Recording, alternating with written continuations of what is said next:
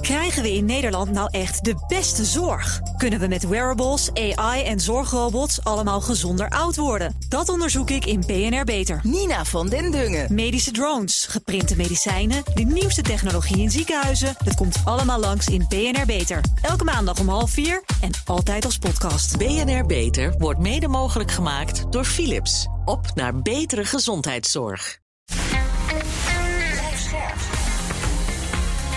BNR Nieuwsradio. De Perestrooikast.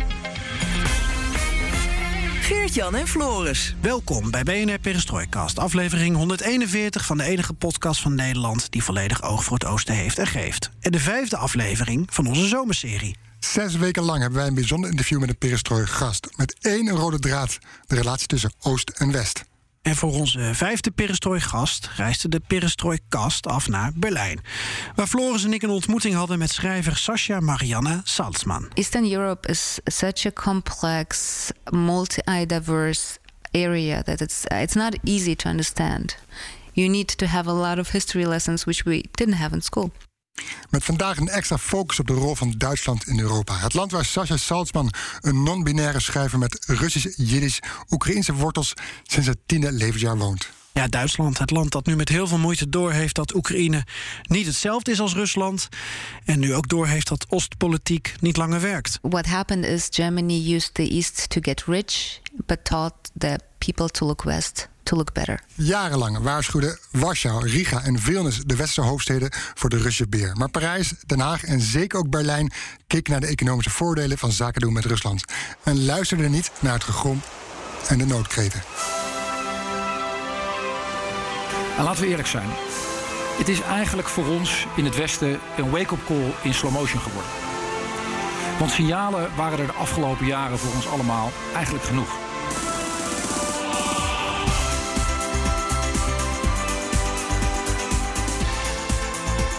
Berlijn, de stad waar Oost en West samenkomt. En voelbaar is. Een betere plek om na te denken over de kloof tussen Oost en West is er misschien niet, mijn waarde Floris. Tijd om naar de Duitse hoofdstad te schakelen. Naar onszelf in gesprek met Sascha Salzman. En met Floris, die onze traditionele openingsvraag stelt, uiteraard in het Engels. Let's go back to the 21st of February.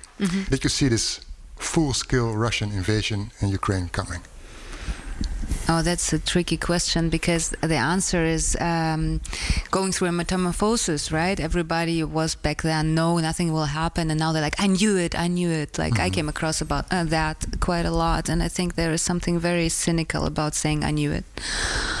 I remember in in January having a talk with my best friend, saying, you know, in March the pandemic will be over and the war gonna start.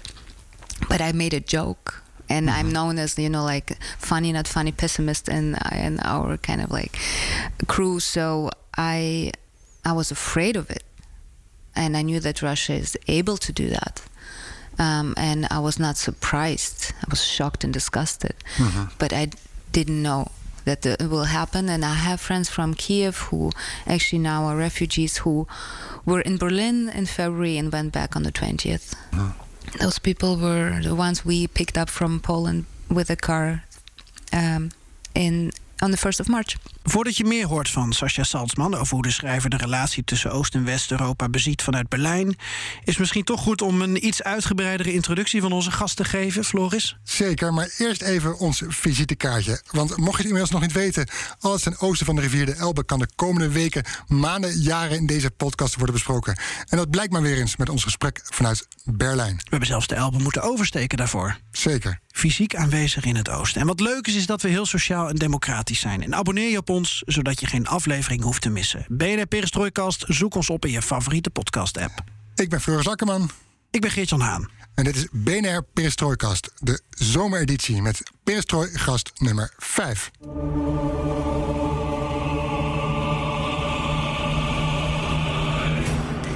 En dat is dus Sascha Mariana Salzman, schrijver van boeken, toneelstukken, essays.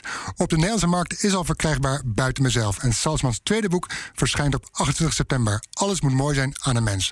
Waarin het ook gaat over vier levens tijdens omwentelingen. Van perestroika tot aan het Europa en Duitsland van nu. Nou, de voorouders van Salzman komen uit Oekraïne. Zelf is geboren in Rusland.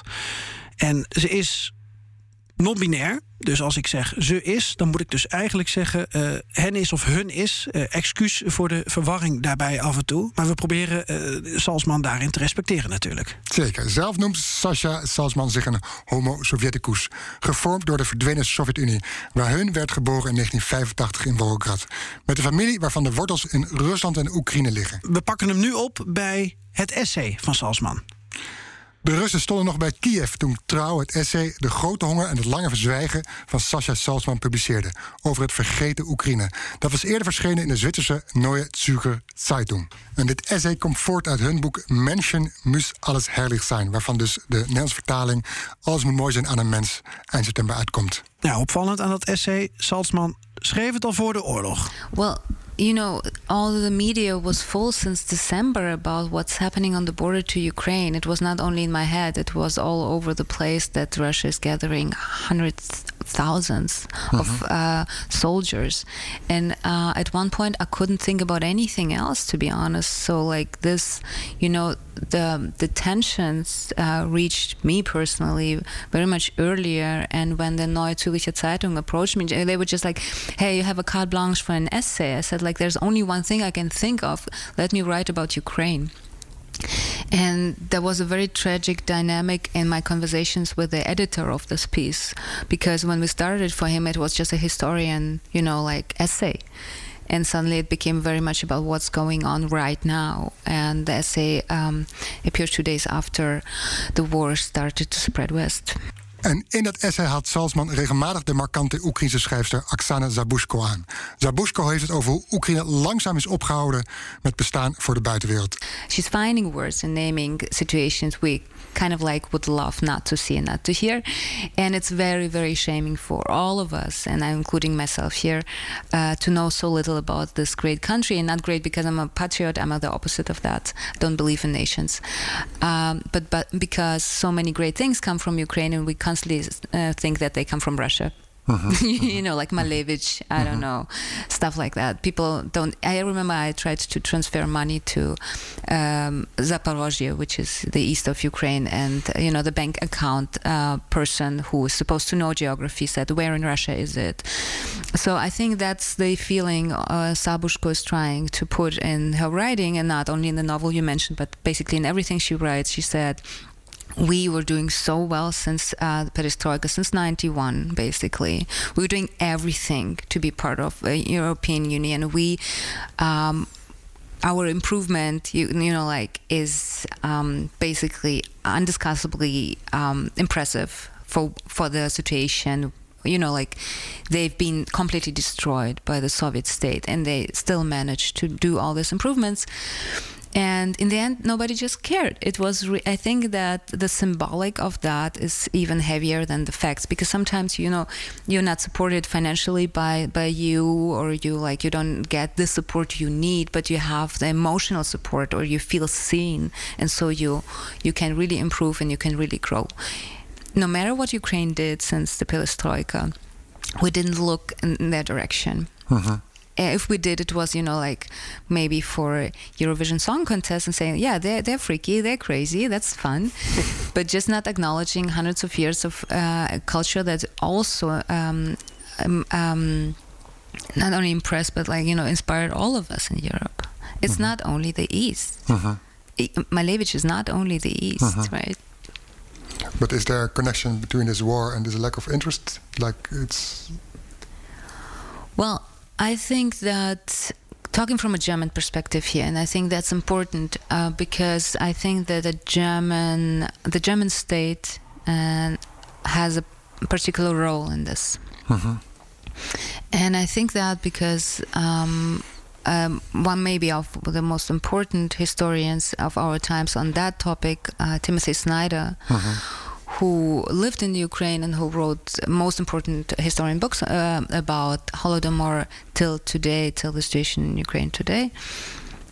He analyzed um, how Germany basically fed Vladimir Putin, how Germany helped to make this dictator possible. Um, and I don't want to, you know, like take the whole blame for for this dictator, and I also don't don't want to say that you know the Russian population doesn't have like the major part in that, but we should not forget that the wealth of Germany is um, basically based on making this dictator great.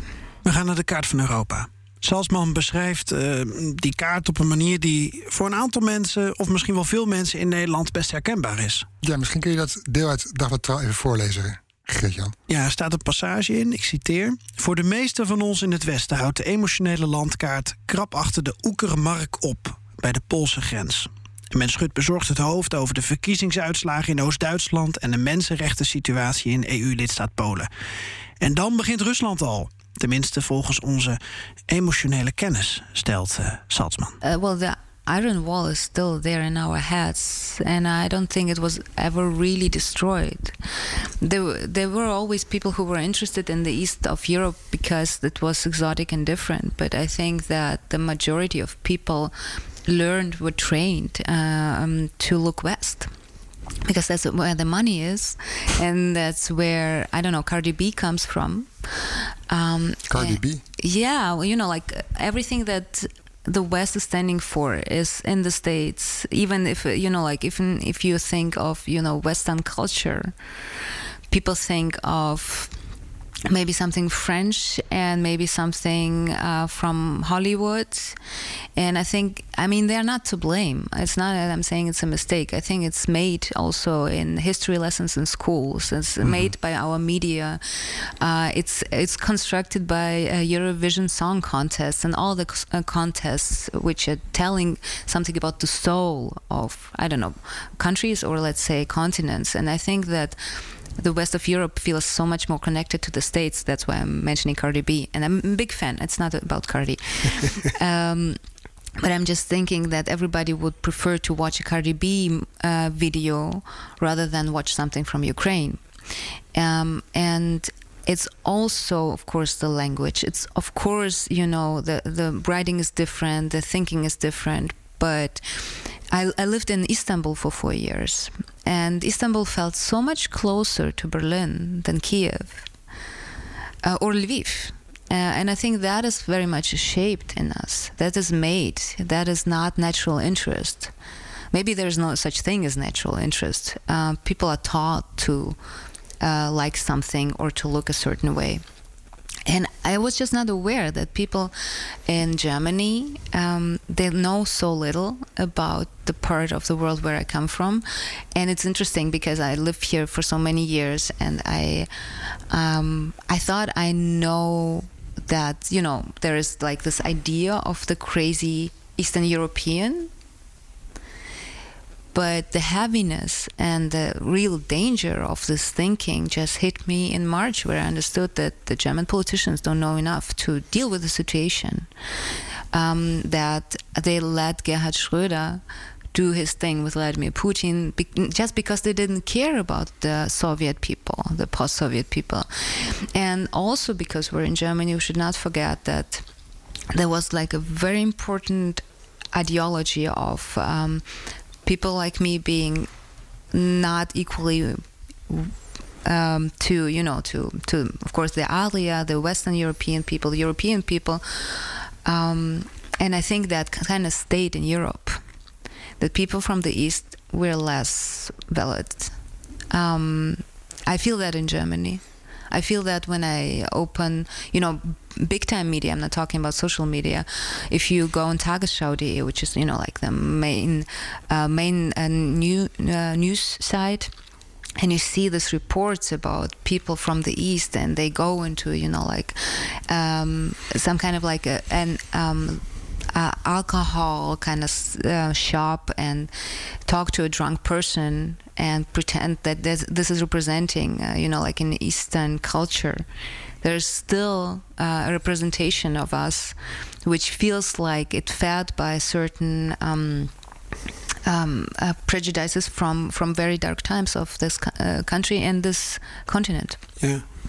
Still, I think this is kind of a surprise for a Dutch listeners because, from our perspective, Ger- Germany is m- m- Mitteleuropa.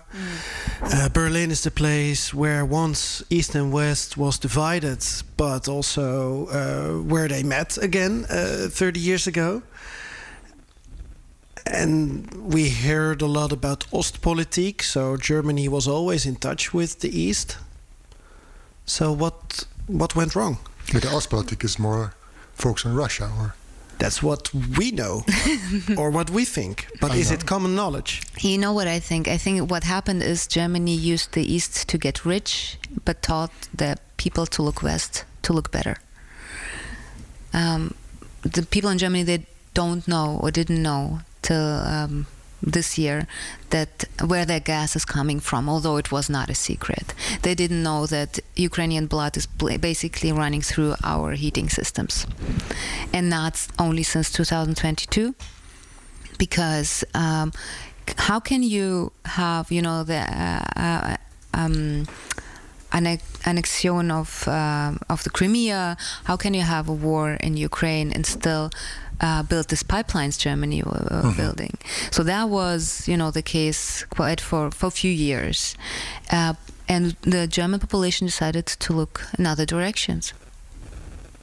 Okay. and but now you see a big discussion about what R- Germany has to do Yeah, with yeah. Russia, with Ukraine. Yes, of course, but you know, like these discussions, they they're not only theoretically or or it's n- not an intellectual um, discussion; is also an emotional discussion. And Germany and Germans are very connected to Russia, and Russians they don't understand that they're basically connected to Ukrainians too, because if they think of what they understand Russia is, they think of Soviet Union, and of course, Ukrainian was part of that.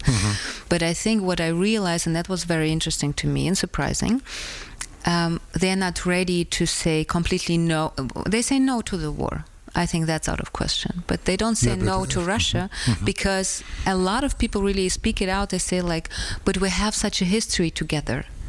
And then I would say, "Yeah, but you have a history with Soviet Union, and Ukrainian was part of this."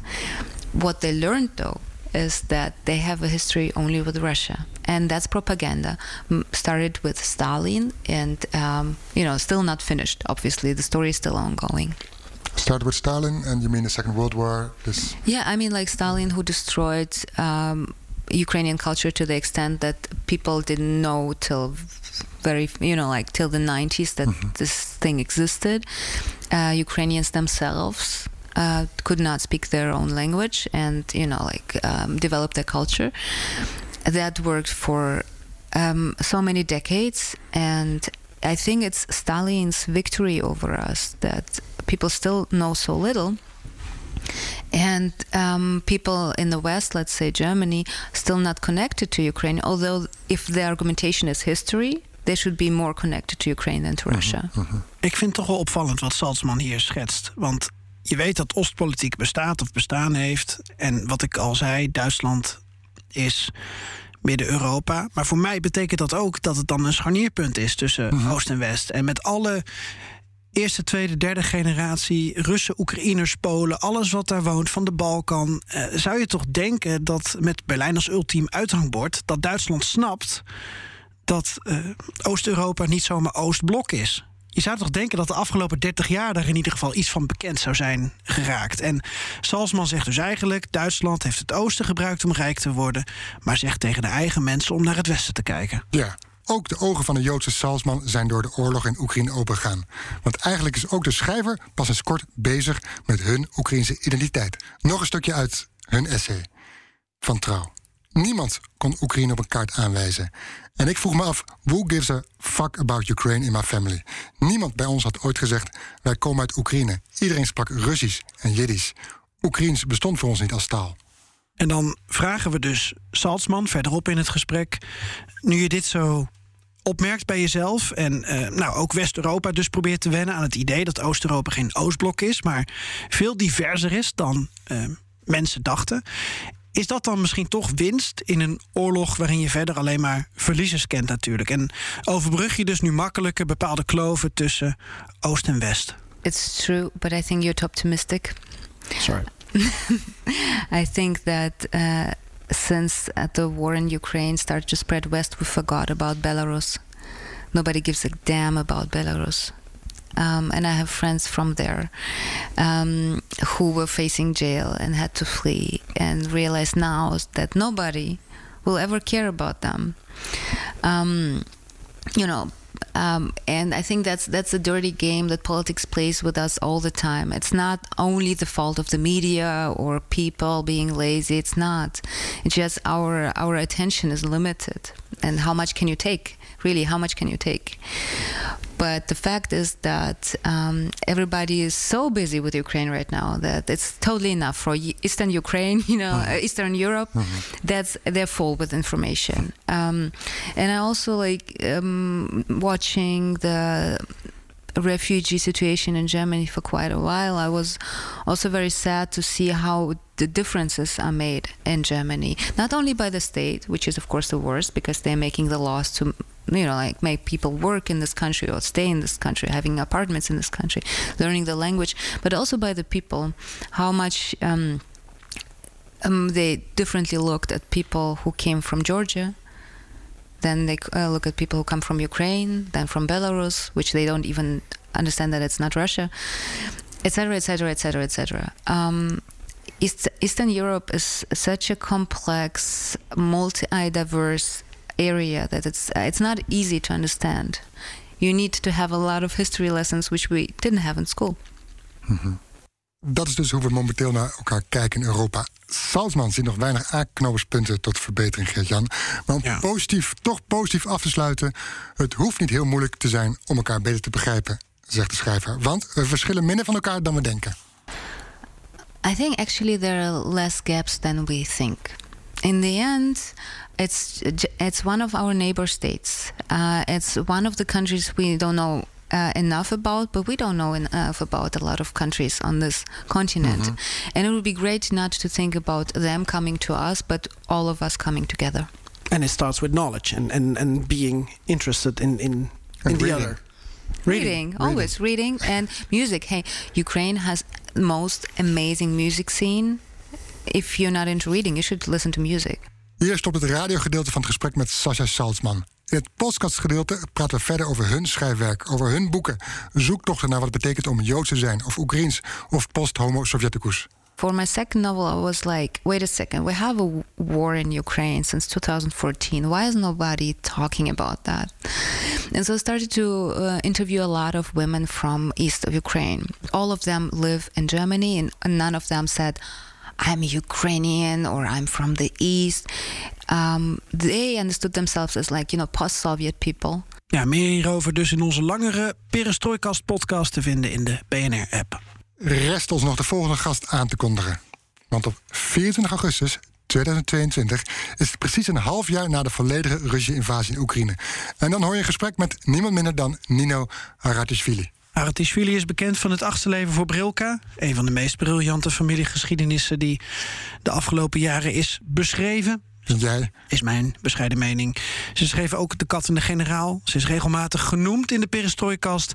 En komt in november met een nieuw boek. In het Nederlands dan Het Schaarse Licht. En ze schreef afgelopen maart, naar aanleiding van de Russische invasie in Oekraïne, een opiniestuk. De vakantie van het Westen is voorbij.